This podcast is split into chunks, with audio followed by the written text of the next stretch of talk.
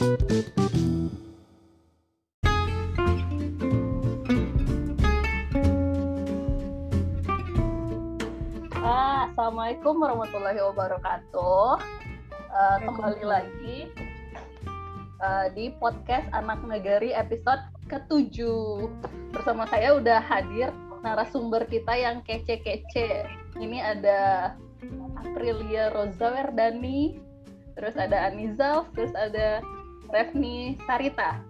Jadi pada kesempatan kali ini kita akan ngobrol-ngobrol membahas uh, tentang dunia perkuliahan teman-teman kita yang kece-kece ini. Mereka berkuliah di jurusan gizi di beberapa universitas terkemuka di uh, Indonesia. Uh, tanpa berlama-lama, mungkin kita boleh kenalan dulu ke masing-masing narasumber kita. Mulai dari uh, mungkin Roza, silakan. Roza. Oh, uh, Oke, okay. uh, perkenalkan nama Aprilia Roza. Uh, di kampung biasanya dipanggil Roza. Uh, untuk alamat di kampung di Pari. Oh ya, uh, kuliah uh, dan alhamdulillah saat ini sudah selesai uh, di program studi sarjana gizi uh, UI, kemudian S2-nya di UI juga dengan uh, jurusan Magister Ilmu Kesehatan Masyarakat, peminatannya tetap gizi. Oke, makasih Yoja. Oke. Selanjutnya, boleh Kaniza? Halo, selamat malam. Assalamualaikum. Malam. Uh, perkenalkan nama Wa uh, Anizaf, biasa dipanggil Nizaf. Uh, alamat rumah di Padang Dakwa, Balimbiang. Uh, untuk kuliah dulu di Ilmu Gizi, Departemen Gizi Masyarakat, Fakultas Ekologi Manusia, IPB, Bogor. Oke. Oke. Terima kasih Nizaf. Selanjutnya boleh ke Yes. Assalamualaikum warahmatullahi wabarakatuh. Udah uni kesadonyo. Uh, perkenalkan, nama Revni Sarita atau lebih akrab dipanggil Iyes. Kalau sampai tinggal, Iyes tinggal di uh, sawah sungai Pasiranggai.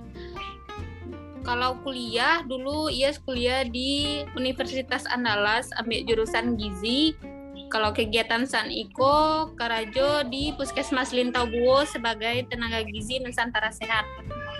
Oke, terima kasih Yes.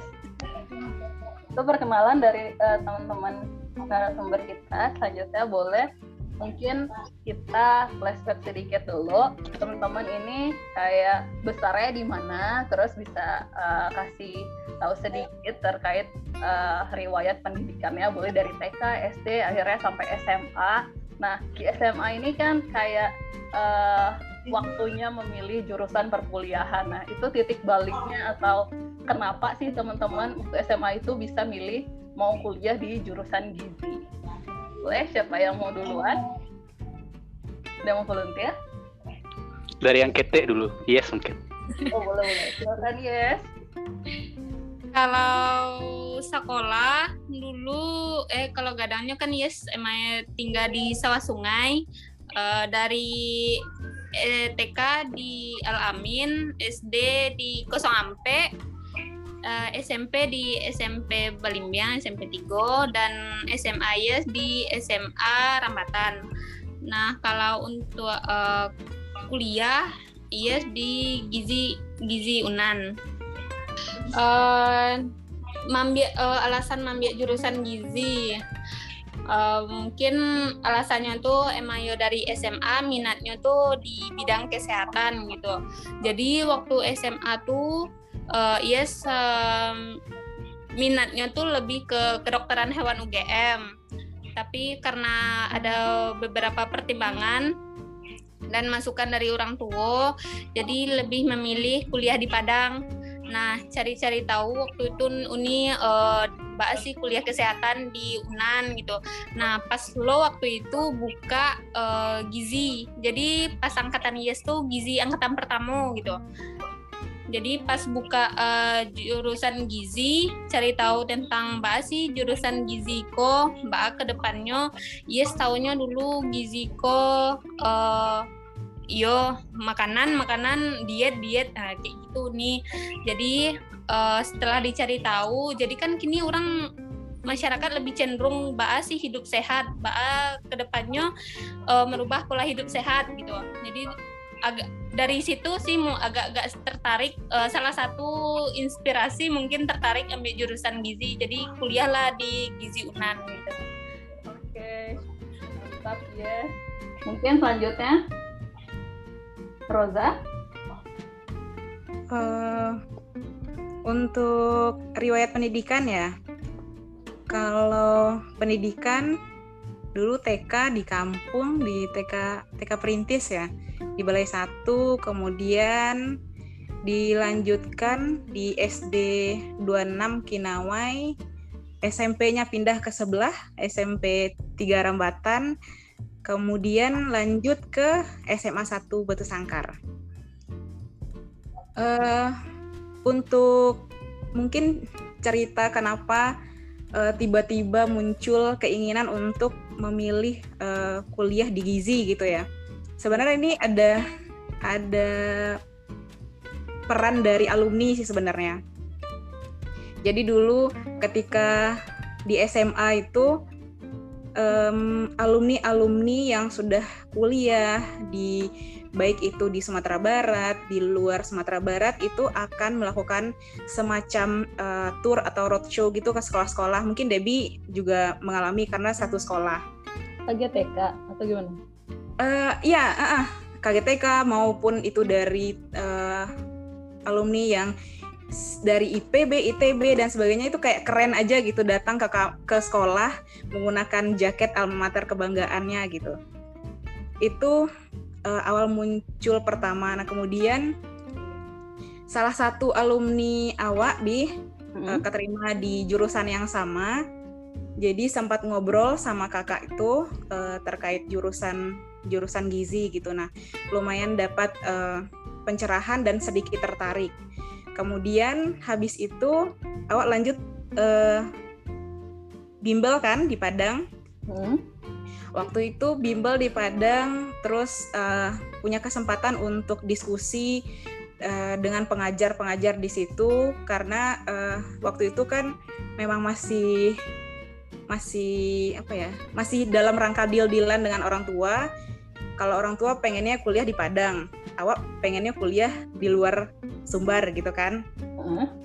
jadi ngobrol-ngobrol sama pengajar di situ dan muncullah pilihan ilmu gizi gitu. Jadi seakan-akan itu kayak uh, nyambung dengan yang disampaikan alumni itu. Jadi akhirnya cari-cari kayaknya klik di jurusan gizi ya udah pilih jurusan gizi untuk uh, di tes penerimaan. Gitu. Oke. So, Mbak Amu meyakinkan orang tua tadi? Um, meyakinkan orang tua panjang karena uh, awak lulus di uh, di, di UI itu Samu kan di pilihan alah tes paling terakhir gitu. Iya benar. Jadi uh, mungkin Debbie merasakan bahwa was-was was-wasnya orang tua di saat kawan-kawan awak lah ditarimo kuliah di siku di siku sedangkan anaknya masih sibuk aja bimbel bimbel bimbel gitu. Uh, uh, jadi waktu itu uh, orang orang tua masih ya udahlah ambillah yang di di Padang gitu. Uh, tes ini tes ini tes ini. Dan waktu itu Allah lulus di salah satu uh, sekolah kesehatan di Padang. Cuma waktu itu karena mungkin uh, berjodoh di situ ndak datang tes kesehatan. Jadi uh, bilang ke orang tua waktu itu agak sedikit berbohong karena emang ndak lulus sih karena nggak datang ndak datang uh, tes kesehatan jadi ndak lulus kan. Akhirnya orang tua lah menyerah. Uh, di tes terakhir itu kalau nggak salah SNMPTN ya B. Yeah, kalau nggak salah itu tes yang ketiga ditempuh untuk jurusan yang sama. Uh, jadi waktu itu karena orang tua masih kekeh untuk kuliah di Padang ya udah uh, kita punya dua pilihan jurusan. Akhirnya satu pilihan keinginan sendiri dan satu pilihan orang tua. Dan alhamdulillah diterima di jurusan uh, pilihan pertama yaitu pilihan sendiri. Dan ya keterima di UI kepo dong dia pilihan orang tua yang kedua apa? Uh, pendidikan. As always, orang tua pengen jadi guru. Oke oke. Makasih Oja. Oke. Ini Zaf gimana Zaf? Oke, uh, kalau awak tumbuh uh, gadang lagi di Bali Biang, uh, jadi TK dulu baru tahu lo kalau Rosa TK perintis lo, TK perintis lo dulu. Berarti lo kawan TK. Awas TK, Zaf. Berarti TK gitu. Uh, abis itu SD, SD 11 Balimbiang, uh, SMP-nya SMP Limu Bersangka, uh, dan SMA-nya di SMA Tigo Bersangka.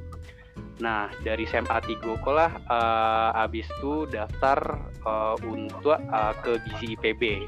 Jadi sabananya dulu uh, untuk pemilihan jurusan pun sabananya uh, bukan jurusan yang dipengen bana sabananya, cuman uh, waktu itu kondisinya adalah uh, waktu itu namanya masih apa sih mahasiswa undangan tuh namanya PMDK. PMDK ya PMDK.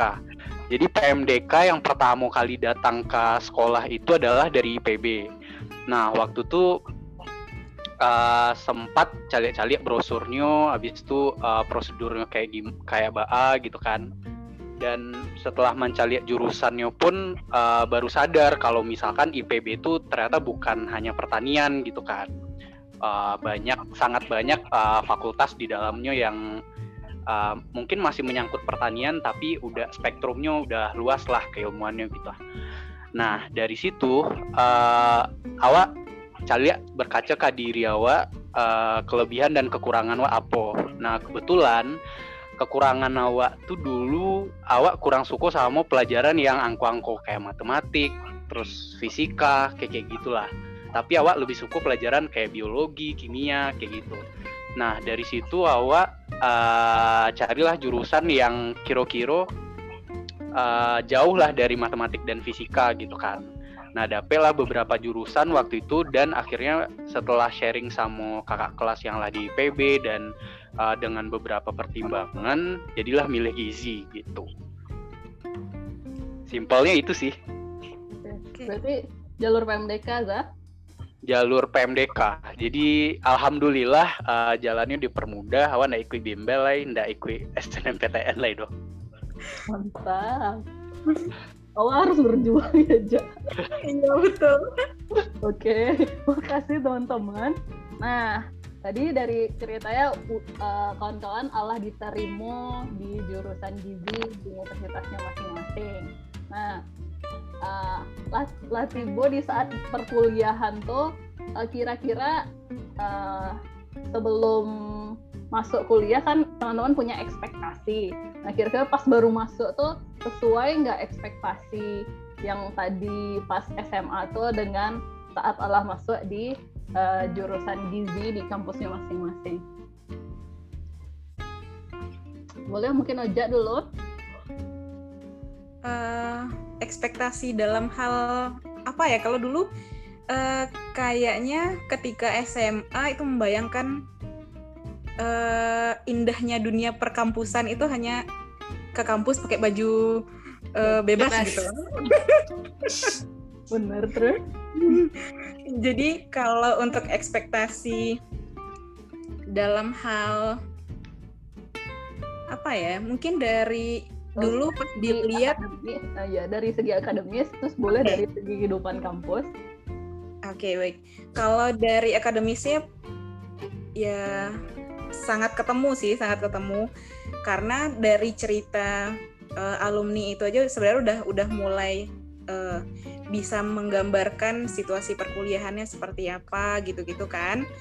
Uh, ya kalau untuk akademik oke okay lah karena memang ketika uh, serunya gini kalau di UI itu uh, perkuliahannya itu agak berbeda dengan uh, untuk khusus untuk departemen gizi ya agak berbeda dengan departemen-departemen yang lain yang ada di FKM maupun yang ada di UI uh, karena dalam pembelajaran hariannya itu menggunakan uh, tutorial. Mungkin dulu aku pernah cerita ya boy.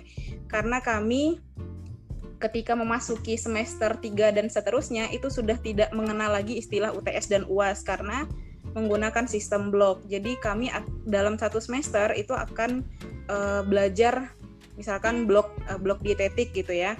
Blok dietetik dan di situ akan ada rumpun uh, apa ya mata kuliah yang tentang dietetik semuanya gitu. Nah, jadi uh, mungkin kayak kedokteran ya? Ah, ah ya mereka sistemnya pakai blok kayak gitu. Jadi uh, gimana ya? Habis satu jadi modul ujian, ujian gitu aja? Ah habis satu modul ujian Iya, jadi ujiannya itu bukan UTS UAS tapi uh, modul dan di misalkan kami belajar uh, mata kuliah ini diselesaikan dalam dua minggu. Dua minggu ujian, lanjut mata kuliah berikutnya, ujian, lanjut lagi sampai satu modul itu, eh satu blok itu selesai gitu. Jadi ujiannya itu adalah ujian per mata kuliah itu cuma sekali dan itu pembelajarannya hanya dua minggu. Oke, okay. berarti uh, sama kayak masih sama kayak SMA aja. Di uh, uh, pagi sampai sore.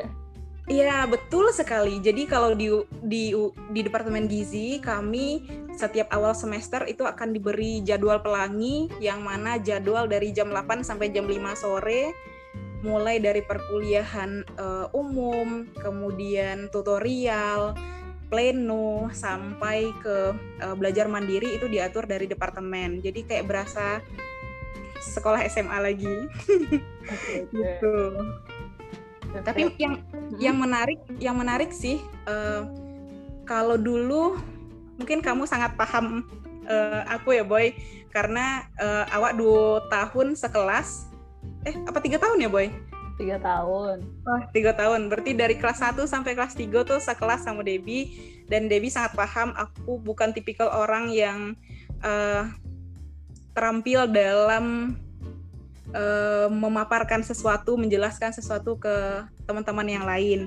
Nah, ketika masuk di jurusan ini, um, hampir 70% 80%-nya adalah diskusi dan presentasi. Jadi, kalau ada adik-adik yang tertarik masuk gizi dan gizi UI, ya itu uh, akan sedikit kemungkinan menemukan kuliah konvensional yang mana ada dosen menerangkan, kemudian uh, mahasiswa mencatat kalau ada yang tidak paham akan ditanyakan. Nah itu agak jarang uh, bertemu kondisi seperti itu karena ya tadi uh, di Departemen Gizi kami akan memulai satu blok itu dengan namanya kuliah umum yang biasanya diisi oleh boleh itu uh, ada dosen dari internal, kemudian ada juga dosen dari PT lainnya, bisa juga dari praktisi, dari dinas, dari kementerian atau dari dunia usaha. Nah, biasanya itu di kuliah umum. Kemudian kami uh, setelah kuliah umum itu biasanya uh, kami akan tutorial bahwa yang pernah aku cerita. Jadi kami sekelas itu hanya 10 sampai 13 orang.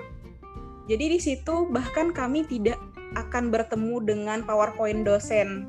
E, melainkan kami akan diberi e, semacam skenario gitu. Jadi kayak satu studi kasus. Ya, studi kasus gitu. Jadi kami akan diminta diskusi, kemudian memecahkan masalah, membuat uh, planning untuk intervensi yang permasalahan yang ada dan sebagainya. Nah, akhir dari kelas tutor inilah yang disebut dengan pleno. Kami akan mempresentasikan hasil diskusi kelas tutor di kelas yang lebih besar kayak gitu. Jadi mungkin untuk ekspektasi ketemu dan enggak sih sebenarnya. Dulu ketika SMA mikir oh, awak akan kuliah uh, kuliah terus awak akan masuk cuma di jam mata kuliah kayak gitu kan. Uh tetapi ternyata sama kayak SMA kami punya jam uh, belajar 8 sampai jam 5 jadi ya gitu. Ada suka dukanya lah. Oke okay, oke. Okay. nah kalau di Gizi UI belajar apa aja ya mata kuliahnya gitu? Uh, untuk mata kuliah mungkin hampir sama ya harusnya di semua uh, gizi di Indonesia. Karena untuk kurikulum sendiri kan sudah diatur oleh uh, asosiasi. Jadi uh, hanya sedikit yang biasanya dikembangkan oleh institusi. Nah, kalau di di Gizi UI uh, karena dia fokusnya ke gizi masyarakat, jadi agak imbang antara uh, klinis dan masyarakatnya gitu. Bahkan mungkin lebih dominan masyarakat. Uh, untuk yang dasar-dasar pasti sama, ada biologi, ada kimia. Nah di UI masih dapat uh, tadi kalau misalkan Anizaf menghindari mata kuliah fisika dan uh, matematika dan kami masih ketemu dengan mata kuliah itu. Tepat tuh. Ya, pas uh, di semester 1 itu masih ketemu, kemudian masuk ke yang lebih sedikit uh, medis ya, anatomi, fisiologi, patofisiologi, baru masuk ke mata kuliah-mata kuliah yang khusus gizi seperti mungkin dietetik, kuliner, penilaian status gizi untuk gizi masyarakat gitu ya. Ada manajemen penyelenggaraan makan dan e, banyaklah yang karena kalau di gizi sendiri sebenarnya ada tiga tiga ranah utama bi. Yang pertama itu adalah gizi masyarakat yang mana e, ini adalah kombinasi antara mata kuliah gizi yang berbasis masyarakat. Nah, yang kedua ada gizi klinis yang biasanya isinya tentang dietetik, misalkan diet orang penyakit ginjal, orang penyakit ini gitu ya. Kemudian yang ketiga itu adalah manajemen eh, sistem penyelenggaraan makan ini. Jadi untuk uh, penyelenggaraan makan yang massal biasanya dipelajari di uh, bagian ini gitu. Jadi sebenarnya hampir mirip sih untuk mata kuliah di semua jurusan gizi. Oke, Ja. Makasih, oh. Ja. Oke. Okay. Boleh kita beralih ke Nizam. Tadi yeah. Ya. uh, ekspektasinya gimana pas SMA sama setelah kuliah, terus lanjut ke pengalaman perkuliahannya di gizi IPB. Silakan. Sebenarnya hampir sama ya dengan yang di diomongin sama Oja uh, ternyata di tahun pertama itu di PB pun kita masih dapat uh, mata kuliah kayak misalkan kalkulus, matematik, ya, fisika gitu kan, mata kuliah dasar lah gitu kan. Itu pun uh, kalau di PB itu statusnya di tahun pertama itu namanya kita tahap per, ta, tingkat persiapan bersama TPB kalau salah gitu.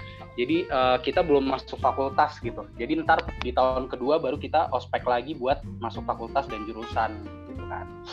Nah, setelah masuk ke jurusan uh, untuk ekspektasi sebenarnya kita kan masih mentah ya masih nggak masih nggak tahu tuh uh, isinya gizi itu persis dalamnya seperti apa cuman kalau dilihat dari mata kuliah uh, antara anggapan kita sebelum masuk gizi dan setelah masuk gizi ternyata gizi itu nggak nggak sebatas cuman dari diet segala dan hal-hal yang seperti itu aja gitu.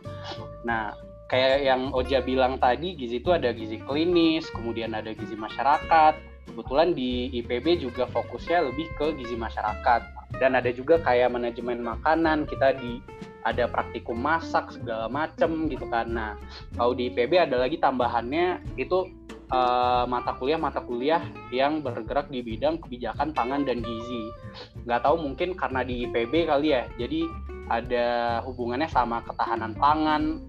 Jadi kayak ngitung hasil produksi pertanian berapa, terus nanti uh, sampailah ke angka kecukupan gizi rumah tangga. Pokoknya itu ada hitungannya lah di mata kuliah mata kuliah yang berkaitan ber, uh, dengan kebijakan pangan dan gizi itu. Nah kalau untuk um, magang sendiri di IPB juga masih ada PL di rumah sakit dulu dapat rumah sakit Marzuki Mahdi di Bogor rumah sakit jiwa situ. Terus kalau untuk magang yang lainnya juga bisa sih kalau di IPB cuman itu pilihan aja nggak nggak yang wajib gitu Oke. Okay. Itu sih paling. Oke. Okay. Makasih Nizaf, silakan. Yes. Uh, kalau untuk pengalaman kuliah uh, udah uni uh, kan ia sebagai angkatan pertama ya jadi baik itu mungkin di bidang atau jurusan gizi ataupun indah pasti ada plus minusnya nah udah uni ya. Jadi uh, sebagai angkatan pertama jadi masih meraba-raba bah sih uh, kuliah ke depannya bah bah sih PKL kedep PL ke depannya tuh ba ba sih uh, KKN-nya gizi itu ba jadi masih bingung gitu soalnya kan uh, sebagai angkatan pertama senior pun ndak ada sampai batanya di Unan gitu.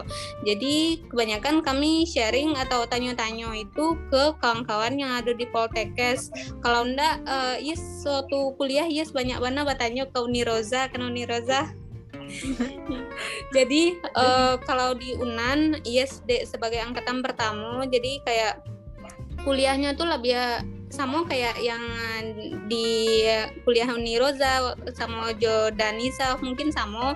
Kuliahnya anatomi, fisiologi dan lain-lainnya masih sama. Tapi mungkin uh, kalau Unan mungkin lebih banyak ke ma apa yang UI kiblat ke UI jadi kayak uh, bedanya tuh cuman di kalau di UI kan pakai blok-blok kalau di Unan lebih ke pakai UTS, uh, eh, pakai UAS, pakai kayak ya. gitu. Mm -mm. Jadi kuliahnya tuh uh, normal kayak yang lain gitu. Tuh uh, kalau mata kuliahnya pun masih sama mata kuliah sama gizi-gizi yang lain ya emang mata kuliah yang umum gitu. Jadi kayak emang yo kiblatnya tuh emang yo masyarakat kan di FKM nah kalau untuk kawan-kawan mungkin pengalaman yang menarik tuh waktu kuliah tuh dari semester 1 sampai semester 8 kawannya situ sejauh ini jadi kami sekelas dari semester 1 sampai 8 sampai taman sudah pun bareng gitu jadi kayak emang lah kekeluargaan bana gitu. Kayak anak SD dari kelas 1 sampai kelas 6 itu kawan kami pun kayak gitulah waktu kuliah gitu. Jadi uh, itu pengalaman-pengalaman indahnya kayak praktikum masak-masak uh, jadi kami waktu kuliah itu karena angkatan pertama jadi kayak dapurnya tuh masih untuk menampung mahasiswa 50 orang sekelas itu enggak cukup. Jadi kami uh, di uh, Poltekkes kalau praktikum masak-masak. Jadi misalkan uh, kuliah habis jam 10 dari jam 10 beko praktikum sampai uh, zuhur misalkan pai ke steba sama-sama di motor uh, pai praktikum gitu tapi nak kawan-kawan yang lain nggak do merasakan panik karena praktikum sangat indah kayak masak-masak tuh. Mantap. Uh, tapi kalau di Unan sama UI ada kayak praktikum yang di lab gitu nggak sih? Oh ada, uh, kalau ada. di Unan ada bang. Eh dah. Ah, uh, praktikum di lab ngapain? Yes. Kayak kalau praktikum di lab kayak uh, menguji kayak sampel makanan itu nih. Hmm. Jadi uh, kami gabung sama kedokteran gitu. Jadi uh, Baa sih uh, sampel makanan kok Baa gitu. Jadi mau uji-uji kayak gitu saya. Tapi lebih awam gitu sih. Kamu berarti. Iya. Kalau uji protein, uji lemak kayak gitu. Iya, sama-sama iya. itu kalau awal-awal masih ada ujian uh, uji itu mikrobiologi gitu kan? Iya. Iya. Hmm. Tapi kalau alah masuk semester semester berikutnya kayaknya lebih banyak di kalau kalau UI ya kalau lebih banyak di misalkan labor uh, antropometri gitu. Jadi lebih sedikit ke yang agak agak saya apa ya kalau misalkan mungkin di PB lebih kuat di analisis gitu ya analisis uh, zat gizinya mungkin lebih kuat ketimbang uh, di UI kayaknya. Kalau di UI mereka lebih memfokuskan ke kesmasnya hmm, iya iya. Karena fakultasnya uh, eh, FKM gitu kan ya? Mm-mm, iya. Kalau dia tadi ekspektasinya gimana ya dari SMA sampai sampailah kuliah ketemu nggak kalau ekspektasi dulu sih membayangkan kan waktu waktu SMA kan awak mencari label makanan kayak gitu kan ada kandungan gizinya di belakangnya nih jadi uh, ih bisa kuliahnya menghitung-hitung iko bisa ke prakteknya di perusahaan iko tapi uh, ternyata beda uh, sama yang Yes pikirkan mungkin. Jadi yang di uh, yang ternyata waktu kuliah tuh uh, lebih ke masyarakat gitu. Jadi menghitung-hitung kayak uh, di perusahaan kami waktu pas angkatan pertama itu ndak do turun ke perusahaan uh, apanya do uh, magangnya ndak ada ke perusahaan. Jadi cuman di rumah sakit dan di puskesmas gitu nih jadi uh, dulu antusiasnya dek mencari label makanan gitu. Jadi antusias oh bisa itu-itu makanan. Kayak ciki-ciki kok berasi kalorinya ikonya. Ternyata kalau waktu di kuliah itu alum tidak menemukan itu ya. okay. hmm, yang kayak itu cuman lebih ke uh, mas makanan uh, pasien uh, barasi iko seharusnya kalorinya ba gitu gitu sih oke okay, oke okay. makasih iya yeah, yeah. Eh kalau yeah. Anizov tadi di, di mm -hmm. blog juga apa kayak kuliah biasa? Kayak kuliah biasa. Jadi ada UTS, ada UAS. Cuman uh, dari pengalaman sih sebenarnya untuk kuliah gizi di PB itu lumayan padat sih jadwalnya karena hampir mungkin bisa dibilang hmm, 85% kali ya dari semua mata kuliah itu ada praktikumnya. Baik itu praktikum di lab atau praktikum di kelas sama asdos kayak kayak gitu. Oke. Okay. Uh, selanjutnya itu teman-teman ada kesempatan untuk oh, tadi Anizaf udah magang mungkin ke Oja sama Iya. Magang sama mungkin skripsinya. Hmm, uh, untuk magang ya magang sebenarnya itu sudah diatur sih boy. Jadi memang tiga ranah yang tadi aku bilang itu yang ranah uh, kesehatan masyarakat kemudian klinis dan uh, uh, manajemen uh, penyelenggara makan itu semuanya ada magang. Kalau di di UI waktu itu magang uh, klinis aku di Rumah Sakit Pasar Rebo waktu itu sekitar uh, 5 sampai 6 minggu kalau nggak salah.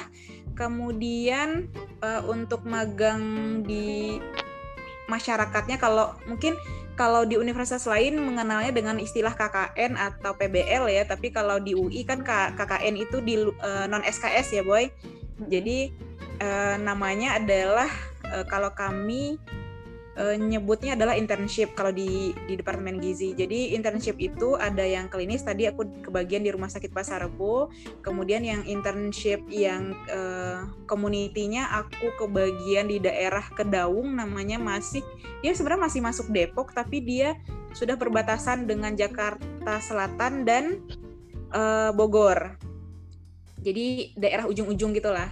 Kemudian kalau untuk manajemen penyelenggaraan makannya waktu itu uh, aku milih di catering, salah satu catering punya uh, saudara temanku. Jadi kami kelom kelompokan di situ. Ada juga yang di hotel uh, sama kayak catering sama hotel kalau nggak salah satu angkatan itu. Oh bisa bisnis gitu. catering Jadi, dong ini aja. Uh, bisa banget. Tapi ini kok uh, maksudnya ada ada yang membuahkan hasil gitu. Jadi tem, salah satu temanku dia habis lulus itu beneran buka catering, catering sehat gitu dan uh, pelanggannya kayaknya udah banyak gitu. Kalau di, dilihat dari IG-nya sih. Oke. Okay. Kalau skripsinya? Uh, skripsi, oh ya, skripsi dulu aku di aku dulu di mana ya? Oh, di Pemko. ini ke Pemkot. Mm -mm. Ya, di Pemko Depok. Jadi waktu itu mengangkat um, problemnya adalah uh, kenaikan gula darah. Jadi waktu itu uh, aku ambil sampel gula darah puasa dan gula darah 2 jam PP waktu itu. Jadi cukup uh, ini sih cukup menantang karena harus mengeluarkan banyak banyak biaya. Jadi gitulah. Oke, okay. aku jadi salah satu tim kuesioner. Iya, boy, thank, thank you. Oke, okay. kalau tadi iya magangnya di mana ya? Uh, kalau Yes, uh, kalau magang di rumah sakit, Yes magang di rumah sakit Solo. Dulu kan masih RSUD Solo. Terus kalau uh, di puskesmas uh, yes di puskesmas Kuranji Jadi uh, magangnya kalau penyelenggaraan makanan pun Uni uh, kami penyelenggaraan makanan mungkin kalau di Padang masih minim catering ya. Jadi kami penyelenggaraan makanannya sekaligus di rumah sakit. Oh ya bisa. Kalau uh, skripsi yes gimana? Kalau skripsi pas yes mambia uh, kan anggota klub Prolanis. Jadi mambia dua puskesmas, puskesmas Kuranji sama puskesmas uh, puskesmas Balimbing yang di Padang. Oke, okay, ngapain ya? Uh, jadi kayak uh, sama sih Uni uh, yes lebih ke gula darah. Jadi anggota klub Prolanis yang menderita DM jadi uh, yes lebih ke sih pola makannya lebih ke kuesioner mengisi kuesioner. Sih pola makannya sih hubungan eh, aktivitas fisik yang biasanya uh, kan anggota klub Prolanis biasanya rutin ya nih di puskesmas puskesmas uh, kegiatannya gitu. Jadi kayak senamnya rutin jadi uh, anggota klub tersebutlah yang kami uh, kami jadikan sebagai apa? Sebagai, sebagai untuk apa skripsi kami gitu. Klub Prolanis apa sih ya? Ya anggota klub Prolanis tuh kayak kegiatan hanya untuk uh, setahu yes nah nih uh, hanya untuk uh, anggota anggota hipertensi sama DM. Jadi anggota klub Prolanis tuh memiliki ke, kayak kegiatan-kegiatan uh, kayak uh, pertemuan-pertemuan lo kayak aktivitas fisik, bekonya kegiatan-kegiatannya manga, jadinya kayak senam di puskesmas gitu. Jadi kayak eh uh, kayak mengadakan kayak pertemuan-pertemuan gitu anggota klub Prolanis. Uh, jadi uh, anggotanya itu orang-orang di uh, daerah itu yang menderita DM, hipertensi gitu-gitu. Hmm. Yo, jadi uh, kebanyakan sih yang memiliki penyakit-penyakit kronis kalau prolanis tuh biasanya kan uh, itu tuh program-program unggulan. Biasanya kan dari dari puskesmas ada program-program unggulannya. Jadi anggota yang misalkan masyarakat masyarakat yang memiliki penyakit kayak hipertensi sama DM atau beko bisa bergabung sama anggota klub prolanis.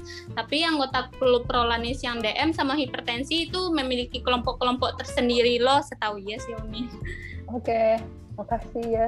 Uh, Nizaf gimana? Skripsi kalau Jeff dulu magang untuk uh, di rumah sakit itu di Bogor, rumah sakit Marzuki Mahdi. Kalau ke masyarakatnya, uh, kalau di IPB, uh, eh, awak gabung sefakultas sama fakultas pertanian, jadi sama ekonomi, jadi tiga fakultas waktu itu. Uh, KKP-nya dapet di daerah Brebes. Oh, okay. Nah, kalau untuk skripsinya sendiri kebetulan uh, dosen pembimbingnya dua-duanya itu punya project ya. Uh, projectnya uh, meneliti tentang keterkaitan uh, status ekonomi uh, kayak tingkat kemiskinan kemudian uh, pengetahuan gizi kemudian uh, dengan pendidikan gizi dan uh, hubungannya dengan angka kecukupan gizi di uh, masyarakat bantaran rel di Manggarai dan bantaran sungai di Tebet waktu itu. Jadi um, itu sebenarnya satu proyek gadang dan uh, ada beberapa mahasiswa dari dosen pembimbing tuh yang ambil bagian di situ gitu. Jadi dari proyek gadang tuh dibagi uh, kuenya kamase misal awak mambia yang bagian hubungan antara ekonomi dan uh, angka kecukupan gizi di situ atau perilaku gizi orang di bantaran sungai itu uh, untuk kawan wa uh, project skripsinya jadi kayak gitu sih oh oke okay. Terima kasih Nizaf. Mungkin kita bisa beralih ke uh, teman-teman kan apa namanya kuliahnya sibuk nih ya padat. Tadi ada yang blog dari pagi sampai sore terus banyak tutorial gitu. Sempat nggak sih uh, ikut kegiatan kampus? Misalnya ikut organisasi atau ikut olahraga kesenian. Baik di kam di fakultas eh, di jurusan fakultas kampus atau bahkan luar kampus gitu. Punya waktu nggak mungkin boleh Nizaf dulu um, waktu di kampus alhamdulillah sempat ikut beberapa organisasi sih baik itu organisasi yang di jurusan, yang di fakultas maupun yang setingkat uh, IPB-nya gitu. Tapi yang IPB Sabanta sih dan lebih uh, kayak ke event gitu. Jadi kalau ada event apa ikut kepanitiaan kayak gitu. Dan di IPB sendiri pun organisasi masyarakat uh, mahasiswa Minangnya pun lumayan kue dan uh, alhamdulillah gabung lo di situ jadi pengurus gitu. Nah, menurut awak uh, untuk kawan-kawan yang mungkin alum kuliah lah um, organisasi itu kalau di masa kuliah menurut awak salah satu apa ya salah satu hal yang bisa bikin soft skill awak meningkat gitu. Karena ketika awak masuk dunia kerja pun bisa uh, oke okay, IPK awak uh, tinggi gitu kan. Itu hanya sebagai syarat pas masuk aja sawananya tapi ketika Allah di dunia kerjanya sebulan dua bulan setahun dua tahun awak di situ itu lebih ke soft skill awak sih yang diuji sawananya baca awak komunikasi baca awak kayak uh, mena, uh, me, memecahkan permasalahan, habis itu soft skill kayak yang lain presentasi, Excel dan sebagainya. Jadi menurut awak organisasi sih uh, ya sama pentingnya dengan kuliah ya. Tapi jangan lo sampai gara-gara organisasi kuliah terlantar habis itu kasihan orang gaya lah uh, membayar uh, untuk kuliah awak gitu kan. Oke. Beralih ke yes uh, kalau yes waktu masa kuliah le, aktif organisasi yaitu ia dua periode ikut uh, BEM KM FKM Unan. Uh, itu lebih ke yang pertama tuh ya di bidang kajian strategis kayak uh, mengkaji isu-isu kesehatan terkini gitu. Yang periode selanjutnya ya pindah ke Biro Dana Usaha dan Keuangan itu mengelola mencari PT ten uh, sih uh, untuk mendapatkan uh, PT ma masuk untuk uh, BEM gitu. Jadi uh, selain itu ya se aktif lo di bidang di bagian-bagian panitia-panitia misalkan kayak uh, ikut panitia uh, seminar gizi itu jadi ikut aktif lo di situ oke okay. kalau di uh, kampusnya nggak ada ya? di, di, lebih banyak di fakultas uh, kalau Yes kan kampusnya di Jati ya nih. Jadi kan kampus di Jati itu hanya dua dua fakultas yaitu fakultas kedokteran sama fakultas kesehatan masyarakat dan fakultas kesehatan masyarakat tuh uh, wilayahnya ndak lo gadang-gadang mana jadi uh, aktivitas uh, kegiatan uh, fakultas pun uh, bisa lo diikuti oleh kawan-kawan uh, yang ada di di jurusan gitu. Jadi kalau aktif di jurusan di kayak di jurusan gizi itu lebih yes ke ikut panitia-panitia, tapi kalau ikut bergabung di hima kayak gitu yes petang uh, indah. Jadi yes lebih uh, dapetnya di bem di bemnya ndak di himanya do gitu. Tapi kan dek lain ndak ndak uh, wilayahnya lain ndak gadang do nih jadi uh, kegiatan di bem pun uh, anak uh, hima pun banyak. Kegiatannya uh, anak hima anggota bemnya quick lo gitu. Oke. Okay. makasih ya beralih ke Oja gimana aja kamu? Uh, kalau untuk aktivitas non akademis ya, dulu tuh uh, kalau di recall ingatan tuh kayak inget ya, inget yang itu yang misalkan uh, di saat awak masuk pas zaman orientasi itu ingat gak kamu gue yang awak dibagi-bagi ke uh, ke penelitian-penelitian apa gitu kan? Nah dari awal nyemplung di situ Allah diajarkan untuk berorganisasi. Dan itu salah satu bener yang kata Nizaf itu sangat sangat sangat penting ya berorganisasi baik itu sifatnya yang uh, kepanitiaan atau yang beneran organisasi.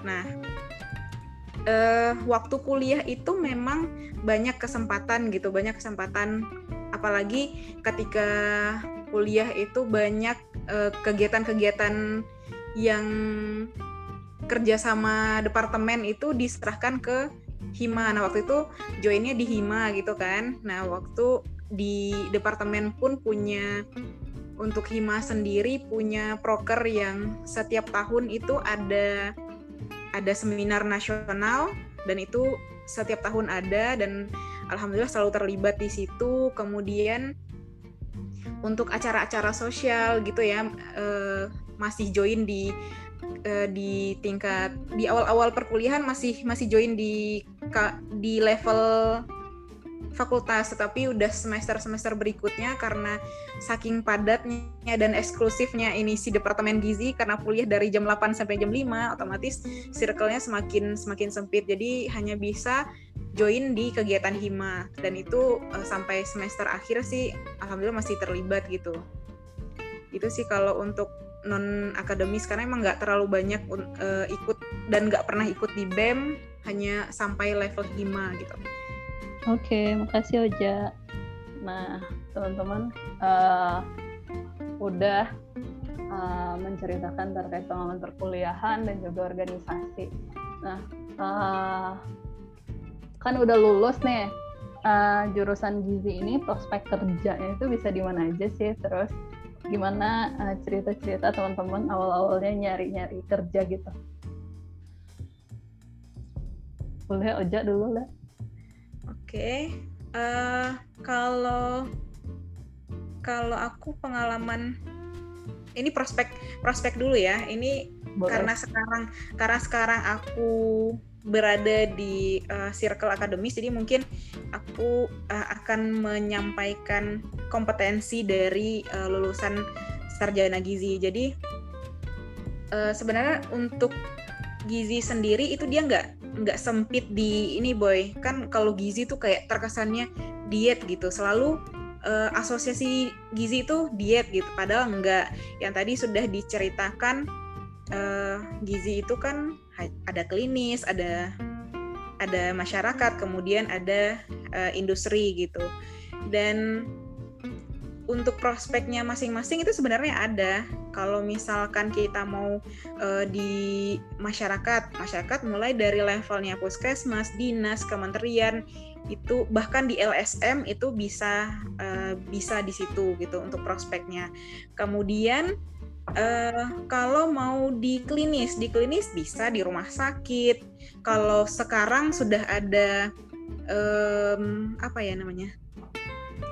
Uh, profesi profesi. Jadi kalau misalkan uh, ada kawan-kawan atau adik-adik yang pengen um, lebih mendalami klinis gitu bisa lanjut ke profesi jadi register dietitian. Selain bekerja di rumah sakit bisa bikin uh, klinik sendiri gitu klinik diet sendiri.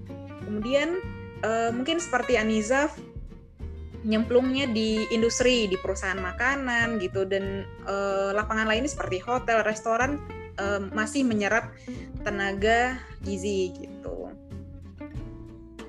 Itu sih untuk prospek dan dan prospek lainnya kalau misalkan nah ini pengalaman sih ya. Jadi kalau di di UI karena tadi memberatkan atau fokus kepada uh, gizi kesmas, jadi memang lebih lulusannya itu lebih kuat kompetensinya di bidang kesehatan masyarakat gitu. Jadi lebih banyak ke organize uh, project atau penelitian gitu. Nah, aku juga waktu habis lulus itu kan memang langsung join ke project dosen. Jadi karena memang uh, bidikanku adalah uh, ke akademik akademisi jadi aku membidik eh, kegiatan-kegiatan yang rasanya bisa memberiku peluang ke situ gitu. Jadi waktu itu uh, punya kesempatan untuk join uh, dengan dosen mengerjakan proyek-proyek yang waktu itu lagi beliau jalankan gitu. Kemudian karena aku memang pengen ke akademisi otomatis aku harus lanjut kuliah kan. Dan alhamdulillah tahun 2019 kemarin aku sudah menyelesaikan S2 dan sekarang uh, bekerja sebagai dosen gitu. Jadi uh, prospek pekerjaannya tidak sempit di bidang kesehatan aja sebenarnya. Masih bisa di wirausaha dan uh, industri lainnya gitu. Oke gitu boy. Oke, Uja, makasih. Beralih ke Aniza. Ya. Kayak yang di kecean sama Oja, uh, balik uh, lo gizi itu sabananya ndak cuman diet gitu kan, tapi spektrumnya luas gitu apakah awak nio keraju di rumah sakit atau puskesmas gitu kan. Kemudian kalau di pemerintahan kayak kementerian pun tidak cuman kementerian kesehatan loh yang buka untuk gizi gitu. Bahkan kementerian pertanian pertahanan kayak untuk analis pangan nio itu gizi pun dibutuhkan begitupun dengan kayak BPOM jadi untuk regulasi-regulasi maka uh, apa uh, pemasaran makanan dan minuman di Indonesia pun dibutuhkan sarjana-sarjana gizi gitu. Uh, maupun dari D3 gizi juga adalah uh, lowongannya di situ gitu. Nah uh, kalau dari awak sendiri memang saat ini uh, lebih ke industri ya ke swasta gitu. Nah awalnya dari lulus kuliah itu uh, alhamdulillah awak dapet waktu itu di Yakult ya awalnya. Nah itu tuh lebih ke uh, sebenarnya divisinya marketing, tapi Karajonya kok lebih kayak memberikan penyuluhan atau pendidikan. Nah, Yakult kok kan uh, produk yang produk minuman yang image-nya sehat lo gitu kan. Nah, di situlah uh, dapetnya irisan antara uh, kejurusan giziko dan uh, marketing di Yakultko gitu. Karena orang gizi pasti ngertilah dengan apa isinya produk Yakult tuh gitu kan. Nah dari situ akhirnya awak keterusan untuk keraju di bidang industri gitu kan. Bahkan mungkin bisa dibilang uh, arah awak untuk saat ini alum ke arah yang rumah sakit lah gitu kan.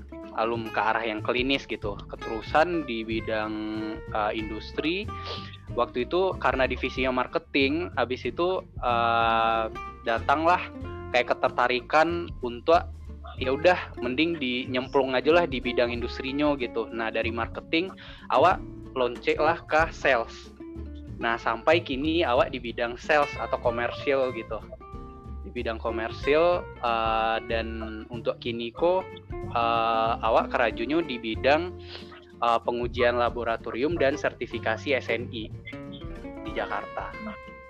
Oke. Okay. Makasih Niza berlari ke IS.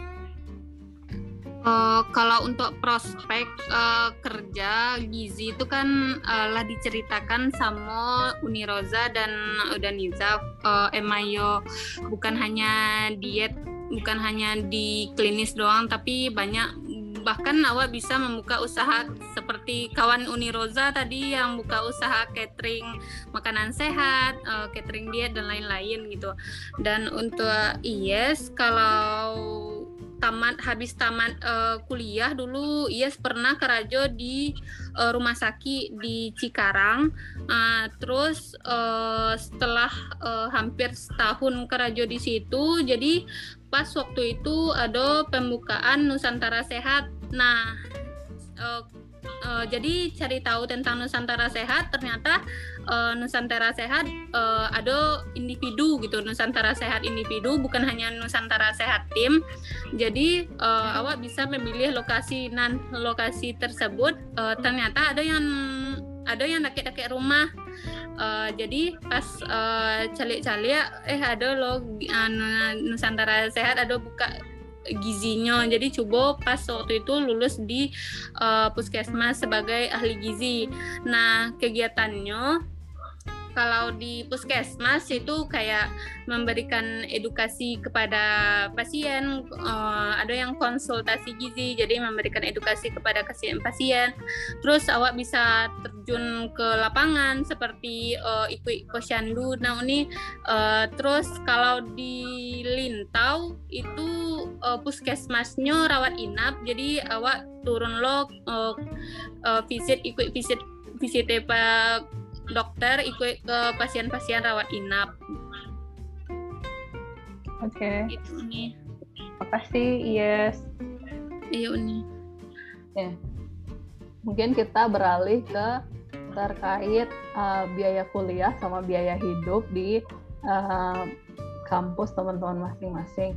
Jadi uh, kan salah satu oleh orang kampung awak jangan sekolah jauh-jauh maaf itu gitu terus mahal nggak sih perkuliahan di Gizi terus ada kesempatan untuk kira-kira uh, uh, untuk meraih beasiswa gitu nggak? Mungkin boleh dari IS dulu. Kalau untuk biaya kuliah kan uh, pakai sistem uang kuliah tunggal kalau di waktu zaman IES ini jadi uh, itu tergantung dengan pendapatan orang tua. Jadi uh, IES waktu itu uh, membayar uh, dari awal semester sampai akhir itu sama uh, koma tiga kalau tidak salah dan biaya uh, kehidupan biaya hidup di Padang itu uh, tergantung mungkin sama lo sama uh, biaya hidup di kota lain nah ini jadi uh, yang yang mahal tuh gaya hidup gitu. Jadi kalau uh, Aco nongkrong di luar itu mungkin biaya hidupnya lebih gadang. Tapi kalau untuk uh, awak kuliah uh, pulang uh, terus uh, ikut organisasi itu ndak uh, ndak ndak terlalu gadang gitu dan ikut uh, banyak lo beasiswa-beasiswa yang ada di UNAN, yang ada di uh, fakultas pun banyak lo yang menyediakan beasiswa. Nah, waktu itu kalau di FKM itu uh, banyak kawan-kawan yang minat sama beasiswa, jadi uh, berebut untuk mendapatkan beasiswa. Apalagi kalau di kesehatan kan tidak bisa uh, beasiswa dari rokok yang ini. Jadi uh, setahu Yes uh, kalau kayak beasiswa Jarum itu tidak uh, bisa masuk ke kampus. Jadi beasiswa-beasiswa kayak beasiswa berprestasi itu ada.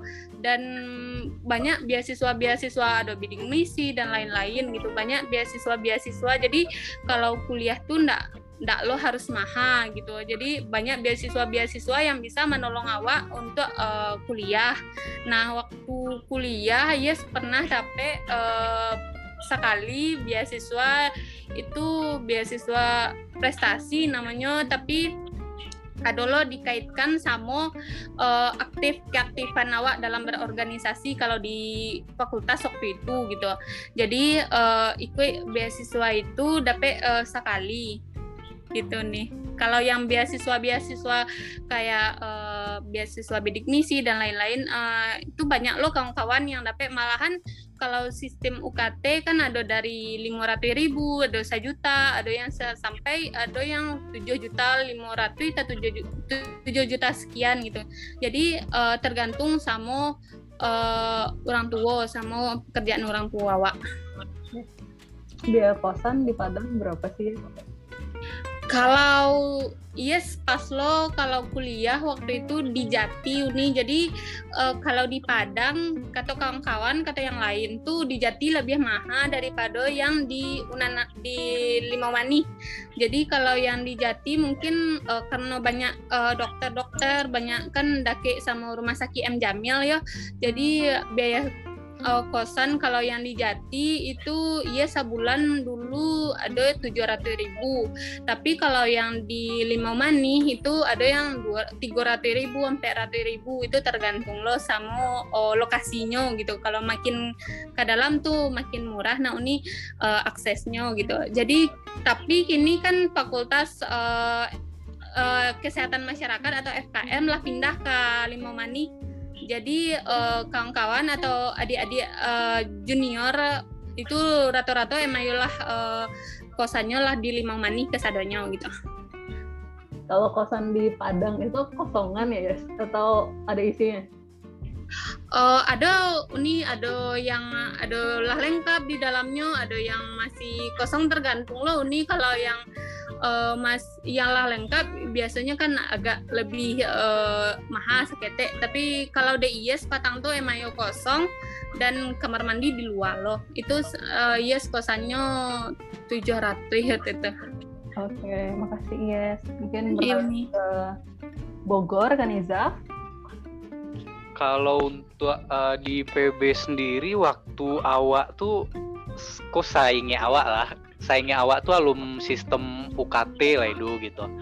Uh, waktu itu bayarnya sekitar 3 juta kali ya. Kan tergantung lo sama SKS yang awak ambil di tiap semester ya. Jadi kisarannya kisaran segitu Tapi kalau kini uh, sepengetahuan awak lah sistem UKT jadi uh, bakal ngikut dengan uh, penghasilan orang gae kan gitu. Hmm. Nah, kalau untuk biaya hidup sendiri di Bogor uh, itu kalau IPB kan ndak di kotanya doh ya. Kalau yang S1 yang S1-nya tuh di um, Dermaga namanya. Nah, itu tuh Allah masuk di Kabupaten Bogor, istilahnya Kota Bogor, coret lah jatuhnya. Nah, di situ pun untuk biaya hidup kalau misalkan uh, awak memang hidup aja itu rasa awak ndak mahal tuh gitu. Tapi kalau misalkan memang gaya hidup yang gaya hidup memang bisa mahal gitu kan. Kalau untuk makan sih sekali makan di situ sekitar 10 sampai 15 ribu tuh lama gitu. Uh, dan banyak pilihan kan mau warung nasi padang atau warteg atau warung Sunda itu alah lumayan lah gitu dapetnya dan untuk kosan pun kalau udah dibandingkan dengan yang uh, di Cariton sama IS tadi mungkin di Bogor tapi tahunnya beda sih ya. Kalau awak dulu itu lima setengah juta setahun. Itu ala kamar mandi dalam dan uh, ala tinggal masuk selai. Jadi ala ada kasur lemari meja gitu. Dan listrik ala masuk situ. Kalau dihitung menurut awak sih terjangkau untuk uh, kalau misalkan dibandingkan dengan kota-kota lainnya gitu. Nah di PB sendiri pun untuk beasiswa itu sangat banyak ya uh, termasuk tadi yang bidik misi, kemudian di jurusan pun ado, yang fakultas pun ado dan uh, dari IPB-nya pun sendiri ado gitu. Nah, memang uh, kalau di beasiswa itu yang dicari biasanya adalah uh, IPK yo dan keaktifan awak uh, di akademik. Kalau awak waktu itu alhamdulillah dapetnya namanya uh, beasiswa PPA, peningkatan prestasi akademik. Jadi selama selama IPK IPW masih naik uh, dari tiap semesternya itu insya Allah bakal tetap dapet kok gitu. Nah, uh, selain beasiswa uh, di IPB sendiri pun banyak sabananya peluang-peluang yang bisa dimanfaatkan oleh mahasiswa untuk mendapatkan PT tambahan gitu. Misalkan uh, dari proyek-proyek dosen, kayak misalkan dosen punya proyek, awak jadi uh, apa sih yang pewawancaranya gitu kan, untuk yang kuesionernya gitu kan. Oke, ikut proyek dosen gitu kan, terus pernah lo waktu itu ikut uh, kayak trainer uh, di proyek dosen lo untuk uh, pendidikan gizi di sekolah SD. Nah itu pun dapetnya dapetnya lumayan kok sekali pai seratus ribu gitu dan sebulan tuh bisa lima kali painya. Nah dari situ saya lah bisa dapet lima ratus ribu kan. Nah sabananya kalau untuk kuliah jauh tuh uh, banyak kok peluangnya untuk uh, sumber sumber-sumber penghasilan yang lain gitu selain dari beasiswa gitu. Dan di IPB pun uh, digalakkan untuk uh, apa namanya kelompok-kelompok wirausaha gitu. Banyak yang uh, mengajukan proposal habis itu dapet uh, dana ya habis itu bisa uh, buat warung takoyaki segala macam. Dan menurut awak sih untuk junior-junior awak yang di kampung jangan pernah takut untuk bermimpi uh, kuliah jauh dari Padang da, uh, dari Sumatera Barat gitu ya karena uh, di luar tuh banyak kok kesempatan gitu kalau emang punya mimpi uh, pasti bisa kok pasti ada jalannya untuk uh, menggapai mimpi itu insya Allah Amin. Oke, okay, makasih Nizaf. Kita beralih ke Oja. Uh, kalau di UI waktu itu uh, mungkin UI lebih dulu ya boy menerapkan uh, UKT itu. Tapi istilahnya dulu pas zaman awal BOPB uh, biaya operasional pendidikan berkeadilan kalau nggak salah. Dan uh, terakhir aku cek uh, nominal standar uh, semester sama antara sains dan uh, humaniora masih sama di zaman awal itu standarnya untuk sains itu tujuh setengah juta untuk yang humaniora itu 5 juta. 5 juta kalau nggak salah dan terakhir aku cek masih sama angkanya. Dan alhamdulillahnya waktu itu UI lah lebih dahulu menerapkan yang disesuaikan dengan uh, penghasilan orang tua ya. Jadi memang waktu itu uh, bayar full yang harusnya bayar tujuh setengah juta. Uh, Uang pangkal ada. Eh, Iya, uang pangkal waktu itu kalau nggak salah ya, kalau sains itu 7 eh berapa ya, Boy? 6 juta apa 7 juta ya? Oh, 5 juta. Eh itu kalau sua, kalau yang humaniora 5 juta, tapi kalau kayaknya aku lebih soalnya aku bayar wa- awal-awal masuk itu kayaknya 13 setengah kayaknya. Oke. Eh, ya, itu itu pertama kali keterima tuh 13 setengah. Dan Semesteran kamu. semesteran aku waktu waktu itu kalau nggak salah BOPB ini baru diproses setelah awal alah sampai di di Depok kayaknya kalau nggak salah ya karena aku masih ingat aku bayar di awal itu full Eh, aku bayar semesteran hanya 10% dari eh, 100% yang ditetapkan oleh UI which is itu tujuh- 750.000 ribu. Bahkan ada kawan awak yang dari aku punya kawan di kedokteran gigi bahkan nyu nol rupiah bayarnya. Eh jadi memang di UI waktu itu memang menyesuaikan sekali dengan pendapatan penghasilan orang tuanya gitu. Jadi rentangnya udah untuk sains itu 0 sampai 7,5 juta dan nanti disesuaikan lah tuh dan tiap orang beda-beda. Eh, itu untuk biaya pendidikan. Em, kalau untuk beasiswa tadi mungkin Anizaf juga sudah menceritakan bahwa sebenarnya beasiswa di kampus apalagi kampus-kampus yang eh, sudah eh, peringkatnya udah baik gitu ya itu biasanya dikejar oleh eh, donatur-donatur beasiswa untuk di UI sendiri waktu itu angkatan kita udah ada bidik misi belum ya boy? Udah ya? Angkatan pertama dulu. Udah, udah. udah ya. Nah waktu itu beberapa kawan eh, keterima bidik misi tapi aku waktu itu nggak nggak mendaftarkan karena ternyata aku udah didaftarkan oleh sekolah dikasih rekomendasi untuk menerima beasiswa dari pemprov jadi eh, waktu itu aku keterima eh, sebagai penerima beasiswa 6 PTN 6 PTN apa 5 PTN terbesar gitu dari Pemprov Sumbar. Waktu itu untuk nominal cukup besar sih per tahunnya 14 juta. Jadi eh, ketakutan-ketakutan awal yang mungkin banyak orang yang menyaksikan nih mengalah kuliah jauh-jauh, kuliah di Jakarta tuh mahal, biaya hidup mahal dan sebagainya gitu ya. Eh, banyak sketeknya pasti itu mengganggu, agak mempengaruhi gitu. Tetapi ketika eh, ngobrol sama salah satu guru yang sangat berjasa dan sampai kini ndak ndak pernah lupa Bu apa aja? Bu Des, guru kimia Wak Boy. Hmm? Eh, beliau adalah salah satu yang meyakinkan aku untuk tetap ambil. Eh, karena waktu itu bahkan aku nggak tahu tuh Bu Des ternyata Allah mendaftarkan aku di beasiswa 6 PTN itu. Bu Des tiba-tiba cuma telepon eh Ja tolong ke sekolah bawa berkas-berkas berkas gitu kan beberapa berkas lah yang dimintanya. Ternyata eh, beliau mendaftarkan itu. Waktu itu bahkan beliau tidak memberitahu tuh tujuannya buat apa. Nah Allah sampai di Depok. Depok, oke. ya waktu itu Allah sampai di Depok baru ternyata orang pemprov nelpon bahwa eh, aku lulus seleksi untuk eh, pen- calon penerima gitu kan. Dan ternyata alhamdulillah keterima. Nah itulah alasanku kenapa aku tidak submit untuk bidik misi terus eh, sebenarnya untuk lah sampai di UI-nya pun masih bisa untuk apply beasiswa yang lain sebenarnya. Eh, waktu itu mas ada banyak ya boy PPAB apa PPA BBM Ya, BBM.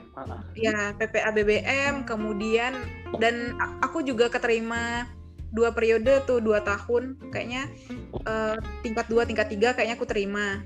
Kemudian eh masih ada beasiswa kalau nggak salah waktu itu Tarnoto ya boy Tarnoto Hmm. Foundation, kemudian eh, dari instansi lain seperti perbankan dan sebagainya itu banyak eh, untuk di kampus gitu. gitu kalau untuk beasiswa sebenarnya banyak sih dan yang tadi benar benar dan relate banget sama uh, kehidupan awak pas zaman kuliah ya boy yang disampaikan Hanizaf bahwa awak tuh sebenarnya punya kesempatan uh, yang lebih besar untuk mendapat penghasilan tambahan atau uang tambahan jajan tambahan dari ikut project dosen. Nah itu uh, awak pribadi merasakan gitu. Uh, waktu itu diajak diajak dosen misalkan mau ndak bantuin ngurusin surat untuk proyeknya atau diajakin uh, untuk mengisi uh, konsultasi gizi lah penyuluhan lah dan lumayan sehari bisa dapat 100 150 ribu gitu. Dan itu lumayan untuk nambah-nambah jajan. Dan di dan asiknya di tingkat-tingkat akhir waktu itu uh, aku cukup cukup tertarik dengan statistik dan aku sudah memberanikan diri untuk terima project analisis data waktu itu. Dan aku bisa dapat uang tambahan dari situ. Gitu. Oke. Okay. Ah. uh, hidup ya di Depok ya kalau untuk biaya hidup kayaknya beda-beda tipis ya sama yang diceritakan Iya karena bahkan untuk uh, awal-awal yo tahun pertama awak di asrama kan. Bahkan di asrama itu aku inget uh, sebenarnya 150 ribu kan? Uh. Nah, awak cuma keluarkan 150 ribu untuk biaya eh, untuk eh, tempat tinggal. Itu tahun pertama, tahun kedua sampai tahun ketiga aku pindah ke kosan itu 6 juta per bulan waktu itu lima lima ratus ribu per oh, ribu. per lima ratus per per bulan dan setahunnya 6 juta okay. gitu sih ke, uh, untuk eh, uh, kos kosan hampir sama sih kayaknya di di Bogor pun segitu ya. Kisaran segitu. Di PB pun juga tahun pertama itu uh, asrama kok. Jadi setahun ah. full di asrama wajib di asrama walaupun itu orang Bogor. Bayinya cuman ah. sejuta dua ratus setahun waktu itu ya. Ah, seratus ribu. Oke.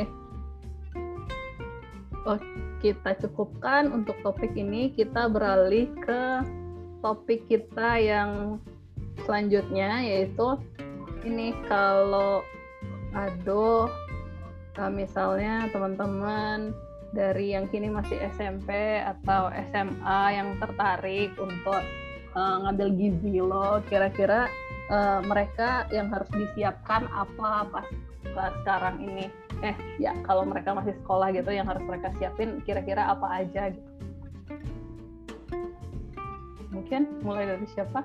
Niza yang harus disiapkan. Yang harus disiapkan itu sebenarnya uh, awak harus tahu sih uh, tujuan awak kamu punya apa gitu. Jadi uh, misalkan kayak uh, Oja tadi gitu kan ala dape pengarahan habis itu emang tertarik. Tuh habis itu lah dape tuh gambarannya kamu kunyo bakal kayak kayak ba gitu. Dan dan ketika memilih jurusan tuh menurut awak sangat penting untuk awak uh, mengenali diri awak, kelebihan dan kekurangan awak gitu. Jadi itu sih yang harus disiapkan sabananya. Karena banyak juga case-nya ketika orang alah kuliah, habis itu kuliahnya uh, pas lagi kuliah pindah jurusan gitu kan. Pin, atau uh, daftar SNMPTN Bali ya gitu kan. Karena ingin merasa tidak sesuai dengan uh, passionnya lah atau uh, dengan minat atau tujuan hidupnya lah gitu kan. Istilahnya itu kan sabananya buang-buang waktu ya kayak terbuang lah waktunya gitu. Nah itu yang harus disiapkan. Kemudian kalau untuk uh, masuk gizi hmm, sawananya hampir sama sih. Mungkin lebih gizi kok lebih banyak ke IPA yo emang jurusan IPA sih sawananya karena yang dipelajari beko ada ada anatomi. Jadi kayak biologi kimia itu tak pakai bana lah beko. Gitu sih. Habis itu yang disiapkan nah yo nggak ada sih. Paling itu dulu sih. Mungkin Oja ada tambahan atau yes? Ya boleh. Oja? Uh, oke. Okay. kalau dari aku uh, persiapan untuk perkuliahan ya hmm, mungkin ya tadi tuh informasi itu para lubana tuh. Jadi uh, jangan tunggu awak lulus SMA dulu untuk nyari informasi gitu. Bahkan uh, dulu kayaknya awak di kelas-kelas duo SMA tuh lah terpapar ya boy. Kehidupan kehidupan uh, kakak-kakak yang ala kuliah gitu. Jadi sebisa mungkin awak harus terpapar sama informasi itu. Jadi cari-cari informasi, kenali tadi yang uh, kata Anizaf, awak minatnya, passionnya di mana, dan uh, kalau misalkan rasanya awak kuat di uh, keilmuan tertentu, misalkan oh awak lebih senangnya atau lebih jagonya di uh, sains atau di uh, sosial gitu. Jadi itu penting juga untuk mempertimbangkan awak mau pilih jurusan A gitu. Karena memang awak cali untuk di di angkatan aku pun waktu itu ada dua orang yang drop karena memang ndak uh, sesuai sama minat inyo. Jadi inyo wasting time waktu dua semester untuk pindah ke jurusan lain gitu. Jadi yaitu kenalilah minatnya A terus cari informasinya sebanyak mungkin selengkap mungkin kira-kira uh, kira-kira apa yang perlu uh, disiapkan. Misalkan untuk ikut ke tes tertentu apa persyaratannya itu harus disiapkan dari awal kayak gitu. Gitu sih kalau untuk persiapan. Oke ja kasih. Beralih ke IS uh, sama sih yang dikatakan sama Uniroza dan Udanizaf uh, waktu SMA atau uh, sebelum sebelum Nio masuk Nio mendaftar kuliah pasti yuk cari tahu dulu Mbak si uh, awak Nionya karajonya seperti apa ke depannya gitu. Jadi kalau lah awak cari tahu uh, sama yang kenali diri awak kenali baak sih kelebihan dan kekurangan awak gitu cocokkan lo sama uh, prestasi awak atau nilai-nilai yang ada di SMA gitu setelah uh, awak cari tahu. Jadi awak bisa menentukan oh awak minatnya di psikolog tapi harus mempertimbangkan baak sih peluang pekerjaan awak ke depannya gitu. Jadi uh, menentukan jurusan pasti awak uh, bertanya-tanya mungkin sama senior-senior atau bisa mencari di informasi di Google misalkan. Jadi banyak sih informasi-informasi yang awak bisa ambil untuk uh, mendapatkan uh, jurusan awak. Tapi harus uh, yang pertama tuh emang harus kenali diri awak dahulu gitu. Jadi kalau lah kenali diri awak uh, kemungkinannya bakalan mengalir gitu. Oke okay, makasih Yes. Terakhir kawan-kawan mungkin pesan-pesan atau closing statement dari kawan-kawan ke uh, anak nagari kini yang misalnya SMA atau SMP yang sebentar lagi mungkin akan ada di titik dia memilih untuk uh, perkuliahannya. Mungkin boleh dari Roza. Uh, Oke, okay. ini pesan ya, pesan atau mungkin ini lebih ke karena dulu aku mengalami ya, boy. Jadi uh, waktu SMA mungkin uh, aku ndak terlalu sebegitu siap untuk masuk ke ke dunia yang selanjutnya atau tahapan selanjutnya yang mana aku harus mengikuti um, seleksi-seleksi untuk masuk ke terutama PTN ya. Karena aku pribadi baru lulus di ujian yang ketiga. Pernah nyoba simak UI aku gagal. Kemudian aku pernah ikut ujian masuk bersama kalau kamu masih ingat gagal. itu ujian yang kedua aku juga gagal dan oh. untuk ujian yang terakhir itu ada SNPTN dan aku masih pada pilihan yang pertama karena aku emang udah yakin dari awal uh, untuk memilih jurusan ini jadi aku lah menetapkan gitu aku tetap memilih ini pada seleksi terakhir gitu jadi pesannya yang pertama adalah siapkan diri dari seawal mungkin. Baik itu tadi dari persyaratan eh, persyaratan untuk mendaftar atau informasi-informasi terkait jurusan itu harus disiapkan. Uh, sehingga ketika awaklah tiba momennya untuk seleksi awaklah siap gitu. Apalagi kalau sekarang kan ada jalur undangan ya. Kalau uh, dulu inget bana untuk awak yang di tanah datar undangan hmm. untuk masuk ke UI hanya dapat di SMA 1 dan itu slotnya sedikit. Dan awak bukan yang misalkan lima ter iya lima teratas dan maksudnya bukan yang pertama akan dibidik untuk menerima itu gitu. Jadi uh, adik-adik yang kini bahkan punya kesempatan yang lebih luas sebenarnya untuk memilih di perguruan tinggi yang diinginkan. Jadi uh, kayak gitu harus disiapkan seawal mungkin. Kenali diri masing-masing, uh, kekuatan kelemahannya apa, minatnya apa, passionnya apa. Kemudian yang paling penting adalah jangan pantang menyerah. Karena uh, awak pribadi dulu di awal-awal peralihan dari SMA ke kuliah itu banyak uh, banyak yang dihadang gitu uh, baik itu dari uh, tekanan finansial dari keluarga dan uh, dari tetangga gitulah ya. Tahulah gonjang ganjing di di kampung itu seperti apa. Tetangga menentukan ya. Ya betul sekali. Semakin uh, pokoknya mereka lebih tahu lah daripada kita gitu. Jadi uh, awak tuh harus yakin uh, yakin bahwa awak mampu dan jangan pantang menyerah gitu. Kalau misalkan awak belum berhasil pada tahapan pertama, cubo, cubo, cubo, taruh dengan uh, persyaratan awak meningkatkan kemampuan dan persiapan awak gitu. Jadi itu karena Allah dialami dari sekian banyak jalur yang ditempuh, alhamdulillah keterima di jurusan yang diinginkan dan dengan segala kemudahan gitu. Jadi jangan pernah takut bermimpi. Tadi Nizaf sudah menyampaikan bahwa kesempatan itu ado, jangan disia-siakan. Kemudian eh, apa ya pintu-pintu kemudahan itu insya Allah akan ado gitu. Jadi enggak, jangan takut lah. Oke, okay. super sekali. Kita beralih ke Nizaf uh, pesan ya. Kalau pesan untuk adik-adik yang uh, masih SMA atau new kuliah itu balik uh, balik juga tadi kenali diri. Kalau misalkan memang untuk uh, apa namanya untuk undangan sabananya berarti perjalanan kalian tuh alah dimulai dari kelas 1 SMA. Kalau nggak tahu kalau kini bahas sistemnya sih. Cuman kalau dulu awak um, uh, untuk PMDK tuh dikumpulkan nilai rapor dari uh, semester kelas 1 gitu kan.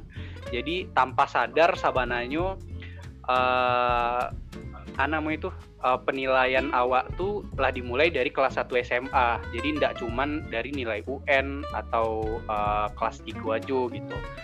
Nah, uh, untuk itu mungkin uh, pasannya kalian dari kelas 1 SMA aku mulailah lakukan yang terbaik untuk uh, nilai kalian. Kemudian uh, untuk tadi yang neo kuliah kalua, yuk jangan takut bermimpi, jangan takut keluar dari zona nyaman gitu. Kalau misalkan uh, kalian takui di di Jawa tuh ndak ada keluarga, nah ingatlah bahwa orang Minang tuh di Madimase gitu di di universitas mana pun pasti ada orang Minang insya Allah gitu. Nah uh, di kayak awak di Bogor pun kalau keluarga yang dake bana kayak kayak sepupu dake bana itu ndak ado do gitu. Memang orang kampung awak ado dan membantu lo gitu kan. Nah tapi uh, setelah itu karena kebanyakan di kampus sana awak yang uh, sakampung tuh uh, pastinya sibuk lo dengan keluarganya. Abis itu lah uh, punya keluarga baru lo dengan mahasiswa-mahasiswa Minang yang ada di situ gitu. Nah, kalau untuk biaya tadi jangan ragu lo karena banyak kesempatan yang lainnya dan uh, pesan awak sabananya untuk uh, adik-adik kok um, kalian tuh harus tahu bahwa tujuan kalian sabananya. Habis itu jadilah independen uh, dengan uh, niat dan tujuan kalian ke depannya tuh gitu karena kan bukan nyoba ayo uh, no offense untuk kawan-kawan uh, yang mendangakan mungkin ada dulu yang yang dapet kuliahan tuh karena oh ada omnyo di siko oh ada eteknya di siko gitu kan. Pasti akan berbeda rasanya ketika kalian uh, mencapai sesuatu tuh dengan usaha kalian gitu. Itu sih Pak Sanwa itu mungkin mental ya. Kalau menurut awak mental yang harus diperbaiki sih. Kemudian untuk uh, junior-junior yang sedang kuliah dan uh, bakal lulus, tidak cuma di Gizi yo, mungkin Pasanawa salah satunya adalah ketika lulus kuliah uh, ikutilah kegiatan apa pun yang positif gitu ya. Uh, karena beberapa yang awak cari setelah lulus kuliah ini menanti pekerjaan yang bana-bana sesuai dengan uh, jurusannya itu tanpa melakukan kegiatan apa pun gitu. Sebenarnya uh, kalau menurut awak mungkin sambil menunggu yang sesuai dengan jurusan atau keinginan awak tuh awak bisa les, awak bisa karajo di tampil lain. Nah, itu akan jadi poin plus ketika kalian uh, mendaftar ke pekerjaan yang uh, sesuai dengan jurusan atau yang benar-benar kalian inginkan. Karena uh, tempat tampek karajo yang kalian inginkan tuh pasti akan batanyo salamuko setelah lulus mangase gitu. Jangan sampai awak dianggap tidak produktif gitu ketika uh, awak melamar di pekerjaan yang awak inginkan. Dan untuk secara umum um, yo semangat untuk sadunyo. Uh, awak doan sadunyo uh, niat baik dari adik-adik yang SMA yang masih kuliah. Semoga niat baiknya bisa dikabulkan oleh Allah. Amin. Amin. Saya Niza beralih ke Iya uh, kalau untuk pesan uh, emang yo harus dipersiapkan dari uh, dari ya harus dipersiapkan dari kelas 1 jadi misalkan kalau emang kelas 1 kelas 2 kelas 3 awak lah tahu kan uh, awak nionya di IPA atau IPS awak nionya yang pertama tuh awak harus uh, tahu awak nyonya karajonya seperti apa sih ke depannya gitu. Jadi kalau lah awak tahu karajo awak oh awak nyonya karajo di uh, analisis, awak nio karajonya di engineer, awak kare, awak nyonya karajo di iko. Jadi uh, alah tergambar waktu SMA kalau bisa. Selanjutnya uh, kenali emayo ken kenali kelebihan dan kekurangan awak tadi. Nah, uh, kenali uh, awak nionya passion awak kon nionya pelajarannya awak suka pelajaran biologi se lo awak nionya pelajaran matematika saya awak nionya pelajaran uh, ekonomi dan lain-lain. Jadi awak harus uh, kenali uh, diri awak. Nah setelah itu awak bisa kan menentukan awak nio mambil ke depannya seperti apa gitu. Jadi emang yo jangan takut bermimpi itu emang nyata gitu. Jangan takut untuk bermimpi tinggi. Jangan takut uh, uh, pengaruh-pengaruh luar tuh bakalan uh, menjatuhkan awak gitu. Jadi uh, tetap libatkan yang surang yang diateh tuh untuk uh, cita-cita awak kok Oke, okay, terima kasih Yes. Mungkin awak uh, terasa hampir dua jam ngobrol-ngobrolnya kawan-kawan sangat banyak sekali informasi yang Allah di sharing dari rekan-rekan. Semoga uh, yang melawak sharingkan pada malam hari ini kok uh, bisa uh, menginspirasi teman-teman uh, yang masih SMA atau uh, masih SMP sehingga mungkin mereka uh, bisa nanti jadi uh, pengikut ya teman-teman untuk berkuliah di salah satu jurusan gizi di salah satu universitas uh, teman-teman nantinya. Terima kasih banyak uh, semuanya. Terus terima kasih telah meluangkan waktu. Uh, mungkin kita tutup. Uh, terima kasih banyak. Ya, sama-sama. Uh, you, Uni. Sama Iya untuk uh, sehat-sehat semua sehat-sehat kawan-kawan. Bye bye aku izin N terima kasih Uni udah. Yo sehat-sehat guys. Bye bye guys. Bye go again